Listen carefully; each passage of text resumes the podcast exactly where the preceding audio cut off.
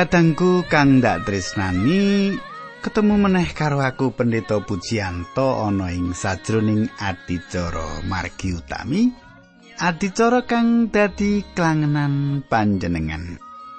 Kepiye kabare panjenengan ana ing patemon iki? Apa panjenengan tansah pinaringan rahayu saka Gusti Pangajapku muga panjenengan tansah kinantenaning Gusti lubering rahayu tinebihno ing sambe kala apa-apa.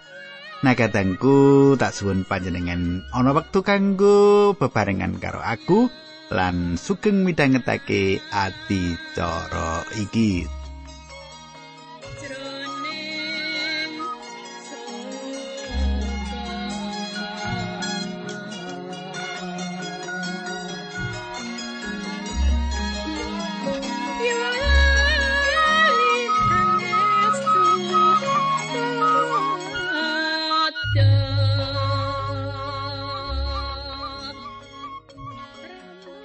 Mitraku, apa panjenengan isih kelingan apa sing tak aturake kepungkur?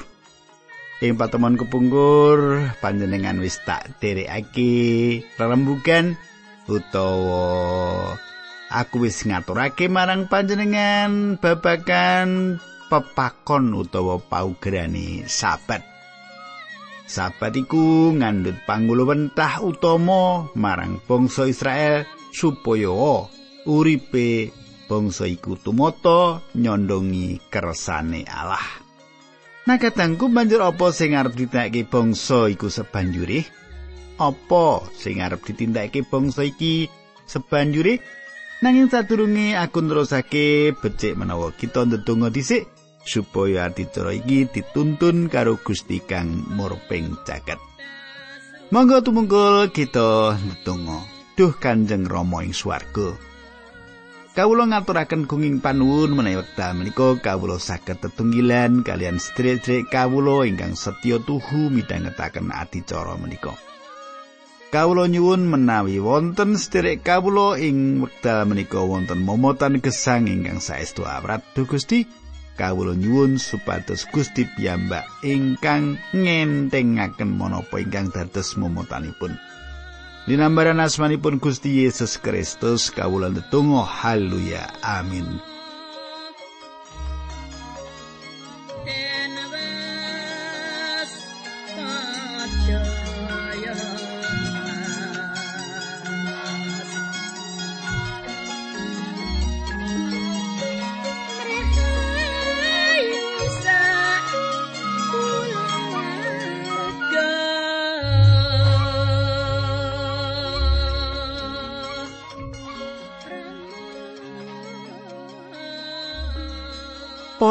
pamirsa ing pepanggihan iki ing patemon iki kita arep miwiti morwani adicara iki kanthi sinau saka ing buku kaimaman pasal 26 utawa kitab kaimaman pasal 26 Nah, tak wiwiti saka maca ayat siji lan loro. Ya. Ing basa pedinan aku maca iki supaya panjenengan rada genah ngono. Mengene surasane Gusti Allah ngendika aja gawe brahala utawa reca lan tugu watu ukir-ukiran kanggo sesembahan. Aku iki pangeran Allahmu. Padha nuceknya dina sabat dina-dina riyaya liyane lan pedalemanku. Aku iki Allah. Kadangku rong ayat sing tak waca mau ngringkes isine dosa titah utawa pepakon sedasa pepakon 10 yaiku kang mratelakake gegayutan sesambungane manungsa lan Gusti Allah. Uga gegayutane antarane manungsa karo sak pepadane Katengku sesambungan Gusti Allah karo manungsa lan manungsa karo pepadane iki sawijining bab kang banget dening penting. Kanggo apa kok kudu dijaga sesambungane manungsa karo Gusti Allah? Sesambungane manungsa karo pepadane yaiku kanggo njaga kahanane bangsa iki, yaiku bangsa Israel supaya tetepo ngebeki tanah perjanjian supaya tetepo lestari lan bisa anak beranak ana ing tanah perjanjian. Tanah perjanjian pancen diparingake kanggo bangsa Israel nanging tetep utawa orane lestari utawa orane wong-wong Israel bisa ngebaki tanah iku sarta anggone tetep manggon nang kono sak lawas-lawase gumantung karo anggone bangsa mau setya tuhu marang Gusti Allah. Gumantung anggone setya tuhu marang Gusti Allah. Kepiye bangsa Israel anggone setya tuhu marang Gusti Allah? Angka siji Gusti Allah iku ora ngersakake yen bangsa Israel gawe reca wangunan apa wae. Tembung reca ing basa Ibranine ateges ora ana. Wong Israel ora dikeparengake gawe sing ora ana. Israel ora dikeparengake dening Allah manembah marang reca apa wae apa maneh nganakake pangabekti ing ngarepe reca kang sejatine ora ana. Iki angka siji. Angka loro nglakoni dina sabat kanthi tememen lire nindakake. Dina sabat kuwi kanthi tenanan. Kaping telu ngurmati papan sing wis disucikake. Kadangku, saiki kita maca saka kaimaman bab 6 ayat telu nganti 6. Yen kowe padha netepi angger-angger kulan nglakoni pernatan-pernatanku, aku bakal paring udan ing mangsane, temah bumi bakal ngetokake asile lan wit-witan bakal ngetokake woh. Pametune paleman bakal luber-luber. Durung rampung olehmu ngeneni gandum kowe wis kudu ngunduh anggur lan wis tekan wayahe nyebar gandum kowe isih ngunduh anggur kowe ora bakal padha kekurangan pangan lan manggon kelawan ayem ing tanahmu. Aku bakal nekake katentreman negaramu nganti kowe bisa padha turu kepenak tanpa ana sing kok sumelangake. Kewan galak bakal ndak singkirake saka tanahmu lan ora bakal ana peprangan maneh. Kadangku kang ndak tresnani Gusti Allah mirsani apa wae sing ditindakake dening umate. yen panjenengan setya tuhu marang Allah bakal kaberkahan kabeh prasetyane Allah marang manungsa mung gumantung ing tembung yen nek wong Jawa kandha Gusti Allah ki kaya dene kaca ya nek awake dhewe ngaca madhep Gusti Allah bakal madhep nek miring ya bakal miring Awit saka iki mapa panjenengan kepengin diberkahi dening pangeran? Kepengin urip panjenengan kaberkahan dening Gusti Allah? Yen mengkono panjenengan pepinginani ya kuwi panjenengan kudu setya tuhu karo Gusti Allah. Ha, Pak Puji kula kok setya tuhu pripun to, Pak? Pak urip ngene kok kon setya tuhu ki ya kepiye? Gitu. Lah wong uripe kepengin diberkahi nyang gereja ya ora tau pingsungsung apa meneh lah ngono kok kepengin diberkahi kepiye nggih. Cupi pangandikan Gusti kalau mau aku bakal nekake katentreman ing negaramu nganti kowe bisa padha turu kepenak tanpa ana sing kok semelangake. Kewan galak bakal disingkirake saka tanahmu lan ora bakal ana peperangan meneh. Menawa setya tuhu karo Gusti Allah. Saiki kaimaman 16 ayat pitu wolu mengkini surasane mungsumu bakal kok telokake kabeh. Wong limo ing antaramu bakal ngalahake wong 100 lan wong 100 bisa ngalahake wong 10.000. Katangku, menangi bangsa Israel ing peperangan nglawan mungsu-mungsuhe iki bagian saka berkah sing diparingake dening Allah. Ora bangsa iki mergo kuat ora, awit Gusti Allah sing paring kamenangan. Saiki ayat 9 tekan 10, kowe bakal diberkahi lan ndak paringi sugih anak. Apa janjiku marang kowe bakal ndak tetepi? Panenmu bakal luber-luber nganti ora entek kok pangan setahun. Malah kowe bakal buang sisane panen sing kepungkur supaya ana panggonan kanggo nyimpen panen sing anyar. Kadangku, bebrahnahane bangsa Israel ora bakal ganggu pasedian pangan kanggo bangsa iki manut pangandikane Gusti mau. Jalaran tanah Israel kagolong loh lan subur, kanthi mengkono asile tumpuk undung. Durung nganti entek panen wis teko panen. Durung nganti entek panen teko. Kanthi mengkono pangan sing lawas kudu dibuang. Lumbunge diresiki, pangan-pangan sing lawas mau diresiki. Awit apa? Awit lumbunge kanggo wadah hasil sing anyar. Wah enak tenan ya katangku ya. Wah nek ngene kira ati mongkok seneng ning sarate kudu setya tuhu karo Gusti Allah. Ayat 11, aku bakal dedalep ing tengahmu ing kemah suciku lan ora bakal ninggal kowe. Katangku Gusti Allah ora bakal kompromi, ora bakal nyarujuki dosa sing ana ing urip panjenengan lan aku. Papan kalenggahane Allah sing ana tengahing bangsa Israel iku sawijining lambang berkah sing pancen nyata. sawijine janji agung kanggo mangsa besuke sing pungkasane bakal dijangkepi dening Allah kahanan bumi sing langgeng. Saiki kaimaman 16 ayat 13, aku bakal nunggal karo kowe lan jumeneng dadi Allahmu sarta kowe dadi umatku. Katanggu Gusti Allah janji yen panjenengane bakal nunggil marang sapa wae sing setya marang panjenengane janjine Allah tetep ditindakake nganti jaman saiki. Coba panjenengan semak unine siji Yohanes siji ayat pitu. Nanging yen kita ana ing pepadang kaya diri panjenengan ya ana ing pepadang, dadi nggon kita padha tetunggalan kuwi nyata lan rai Gusti Yesus Sang Putra nglebur saking dosa kita. Iku ungle pangantikane Gusti saka siji Yohanes siji ayat pitu.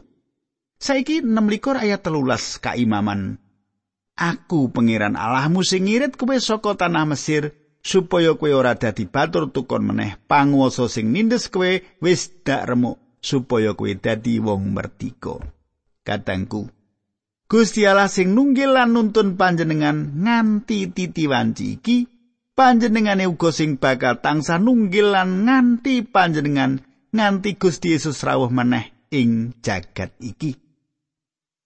Saiki diteruske ayat 14 15 16. Gusti Allah ngendika, "Sapa sing ora netepi pepakonku bakal dihukum."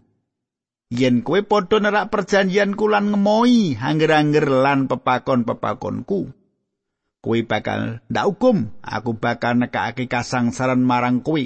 Ya kuwi lara panas sing ora kena diwarasake, sing marakake mripatmu dadi wuta lan uripmu ngenes. Kowe bakal padha nyebar wiji nanging ora mangan pametune. sebab mungsuh-mungsuhmu bakal teko nelokake kowe lan ngentekake apa sing kok tandur. Ayat 17. Kowe bakal ndak ajar nganti bakal ditelokake dening mungsuh-mungsuhmu lan wong sing sengit marang kowe kuwi bakal ngereh kowe. Saka wedine kowe bakal padha mlayu senadan ora ana sing ngoyak. Kadangku kang ndak tresnani pangandikan iki sawijining ukuman kang wiwitan Ing kitab para hakim ditulis bebakan Gusti Allah duka ya sinipi marang bangsa Israel. Pangantikane para nabi ndadekake bangsa Israel padha ngerti yen wis padha nglanggar janji sing diprastiyake marang Gusti Allah. Saiki kaimaman 16 ayat 18 nganti 20 yen sawise ngalami kuwi kabeh kowe maksa durung gelem bangun turut paukumanku bakal ndak tikelake pitu. Kowe pancen pugu banget nanging bakal ndak lo ora bakal ana udan nganti lemahmu bakal garing dadi atos kaya watu. Kangelanmu bakal tanpa gawe sebab lemahmu bakal ora ngetokake apa-apa, wit-witan sing kok tandur bakal ora ngetokake woh. Katangku. Apa sing ditulis pangandikane Gusti iki sawijining ukuman sing luwih abot tinimbang ukuman sing sepisanan mau. Upamane sekolah ngono iki wis kelas loro. wis kelas loro, luwih abot. Yen kan di paukuman iki Israel isih wangkot, Gusti Allah bakal maringi paukuman tikal kaping pitu. ya iki hukuman sing paling abot lan mesti bakal kedadean. Gumedene bangsa Israel bakal dipunggal, ditatas, lan bangsa iki bakal diremuk dening Allah. Nek nerak paugeran sing wis dadi paugerane Allah. Saiki ayat selikur, likur, telulikur, palikur, selawe. Mengkini surasani. Yen kue maksa isi durung gelem bangun turut marang aku, pahukuman-pahukumanku bakal ndak tikelake pitu meneh. Aku bakal nekake kewan galak sing nubruk anak-anakmu mongso raja kaya mulan kowe dhewe nganti ludes mulo cacahmu kari setitik nganti dalan-dalan ing tanahmu bakal dadi sepi. Kadangku, apa sing tak waca iki hukuman sing tatarane ping telu. Saiki ayat 13, yen sawise lelakon kuwi kabeh kowe meksa turung gelem bangun turut malah tetep nglawan marang aku. Kowe bakal terus tak ajar lan abote hukumanmu bakal ndak gawe tikel pitu ketimbang sing wis-wis. Aslawi, aku bakal nekake peperangan kanggo ngajar kowe mergo nggonmu nerak perjanjianku lan semangsa kowe ngungsi ana ing kutha aku bakal nekake pagebluk ya kuwi lara sing ora kena diwarasake nganti kowe bakal kepeksa pasrah bungkuan marang musuhmu. Ayat lembikur, kowe bakal kentekan pangan nganti wong wadon 10 cukup kanggo pangangan roti siji, kanggo manggang roti. Pangan bakal dipanci lan senadan wis mangan iwadine bakal isih ngelih. Kadangku, apa sing digendikake pangandikane Gusti iki sing bakal dadi hukuman ing tataran kaping papat? Bola baline disebut angka kapitu iku nandhake sawijining kasampurnan. Nabi Yesaya, Yeremia lan Yeskiel padha ngilingake marang bangsa Israel yen bakal ana lelakon pailan ing tengahing bangsani. Ayat 17 bab 16 kaimaman yen sawise mengkono kowe meksa sing nglawan marang aku lan ora gelem bangun turut. Ayat 22 29 aku bakal duka lan nibake bebendu sing abote tikel pitu ketimbang karo sing wis-wis. Kowe bakal kluwen nganti tega mangan anakmu dhewe. Kadangku kang tresnani. Sawijining kahanan sing ngegirisi banget. Kaya-kaya iki mung dongeng wae nanging nyatani mengkone nek bangsa iki pancen-pancen balela karo Gusti Allah. Lelakon iki bakal dilakoni dening bangsa Israel.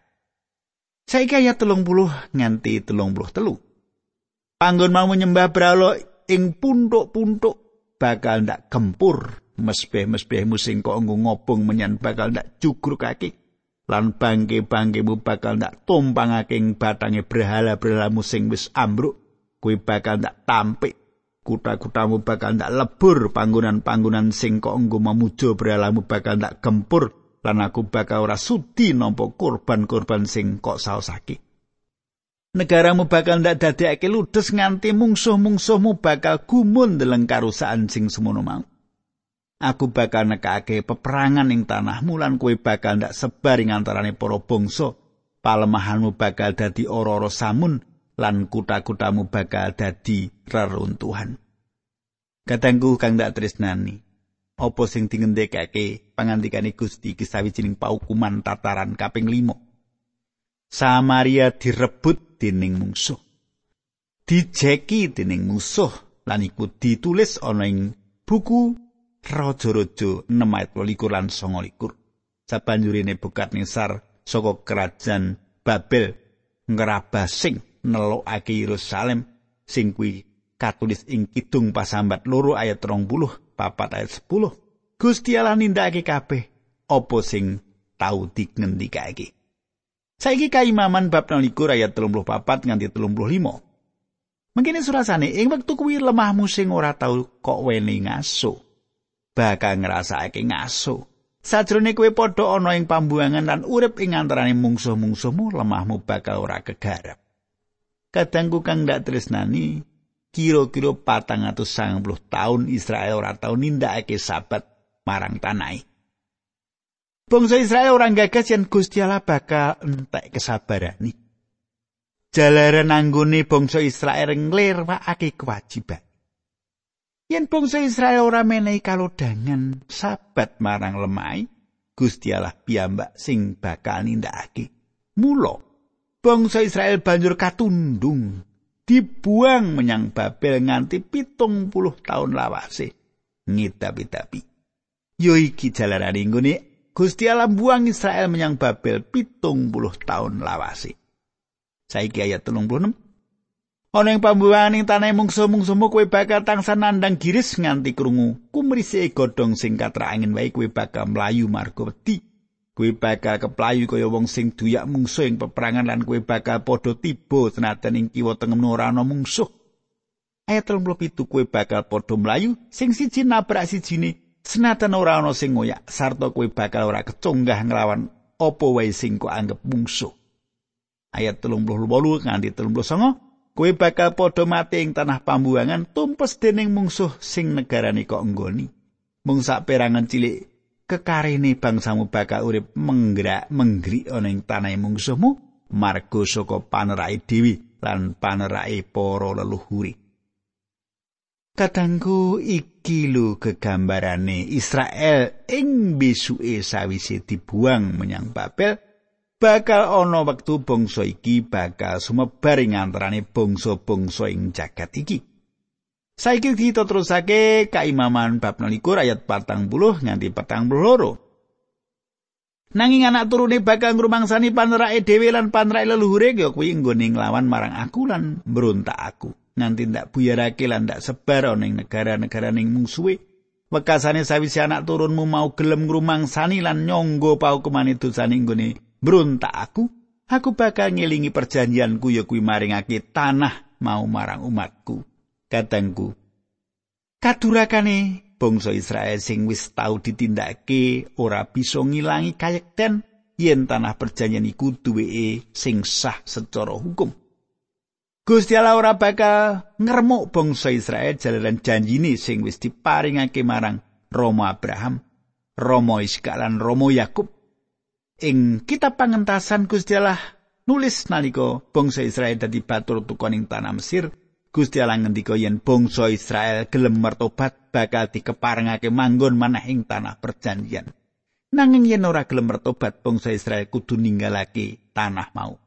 Nanging yen ing tanah liya bangsa Israel bali gelem mertobat, Gusti Allah bakal nganti bali meneh menyang tanah perjanjian. Saiki ayat patang puluh telu nganti patang puluh papat. Nanging tanah kuwi kudu disuwungake supaya bisa aso temenan lan umatku kudu nyangga saking paukumane nggone ora gelem nglakoni angger-anggerku lan ora ngestake pepakon-pepakonku. Senadyan mengkono selawase manggon ing negarane mungsuh ora bakal ndak tegakake utawa ndak sirnake mergo saupama ndak sirnake ateges aku ora setya karo janjiku mongko aku iki pangeran alai. Kadangku yen panjenengan pracaya Allah bakal mbuktekake marang panjenengan apa sing wis dingendikake yen panjenengane ora bakal nilar umate. Ayat 45 nganti 46 kaimaman nalika ya aku bakal eling marang perjanjianku karo para leluhure sing ndak irit metu saka ing tanah Mesir srana ngetingalake panguasaku marang para bangsa kabeh maksude supaya aku jumeneng dadi alai Kaya mengkono angger-angger lan pernatan-pernatan sing diparingake dening Allah ana ing Gunung Sinai marang Musa kanggo bangsa Israel. Katanggu Gusti Allah pirsa kaluputane bangsa Israel sing tansah duraka marang Gusti Allah. Nanging kasetyane Gusti Allah bakal nuntun bangsa Israel nganti bisa lulus lan lolos nuli nampani apa kang sinebut kamenangan. Nabi Musa ora bisa menehi bangsa Israel berkah sing langgeng, monggo Nabi Musa uga pantarane Allah lan manungsa. Kena ngapa kaya ngono? Saiki panjenengan tak dherekake nyemak Yohanes 1 ayat 17. Gusti Allah maringake kitab Taurat lantaran Nabi Musa nanging lantaran Gusti Yesus Kristus Gusti Allah meratelake sarirani piyambak sarta sih katresnani marang kita. Katanggu kang tak tresnani kepiye uripe panjenengan? Kabeh saiki apa panjenengan kepengin diberkahi Gusti Allah? Panjenengan kepengin diberkahi Gusti Allah? Yen panjenengan kepengin diberkahi Gusti Allah, kaya pangandikane Gusti sing wis tak waca mau, bisa diterapake marang panjenengan. Nek panjenengan setya tuhu marang Gusti Allah. Ngabekti kanthi asih, wedi asih karo Gusti Allah.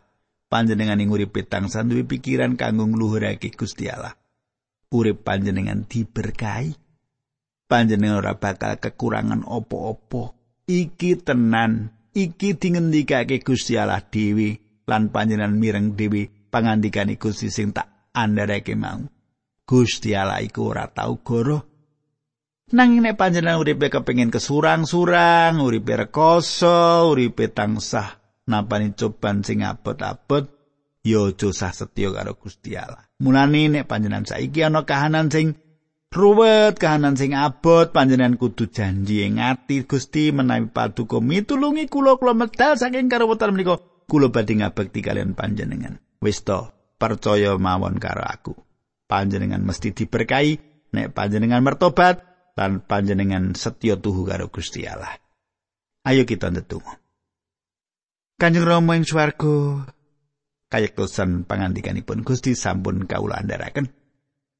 Kawula nyuwun supados Gusti merkai lan Gusti ndadosaken menapa ingkang abdi paduka andharaken menika minangka sabda pangandikan paduka ingkang nyataken supados anak kateng kawula menika tambah tresno dumateng paduka. Dinambaran asmanipun Gusti Yesus Kristus kawula ndedonga. Haleluya. Amin.